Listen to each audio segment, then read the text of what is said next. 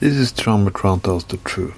Why is it that people who are angry at something never take the pings and the powers that really causes the problems? A lot of people now have been storming the Congress and Senate and uh, whatever you call your fucking government buildings and and they are angry. They want to follow the Constitution.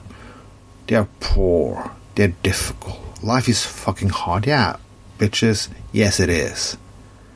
But everybody knows that the government is not to blame. It never has. A government is just a reflection of your errors. The, the government is shitty because you are shitty. Because you elect shitty politicians who are bored. He's always talking about elites. But when you're doing politics and you, you are a part of the elite, but there's also another elite. The people on Wall Street who don't give a shit about you.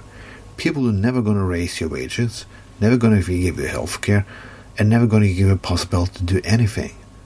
Do you really think that people on the top of the ladder just had an ideology like if I can get up there, I'm gonna help people. I'm gonna pull them up.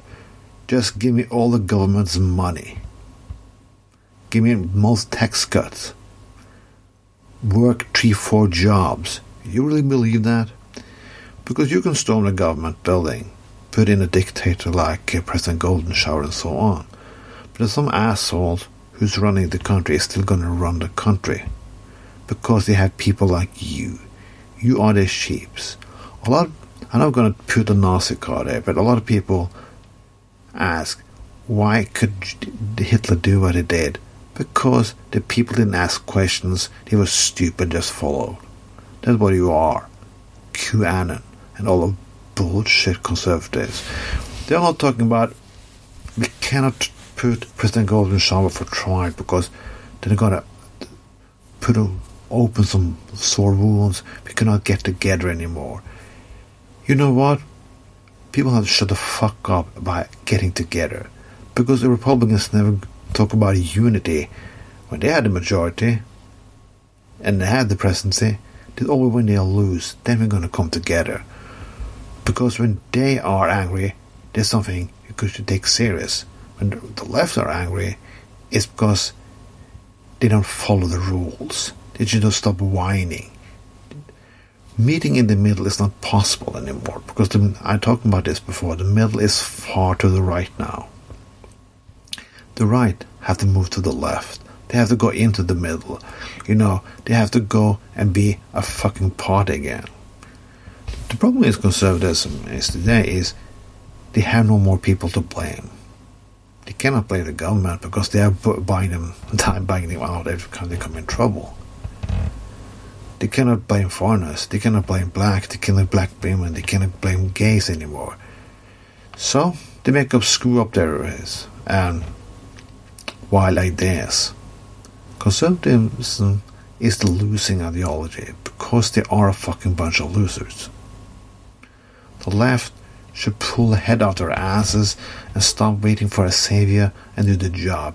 Yeah, people are gonna get angry. I had in politics in Norway too. Like, you are too. I don't know what they call it, yeah, but you're not unifying enough.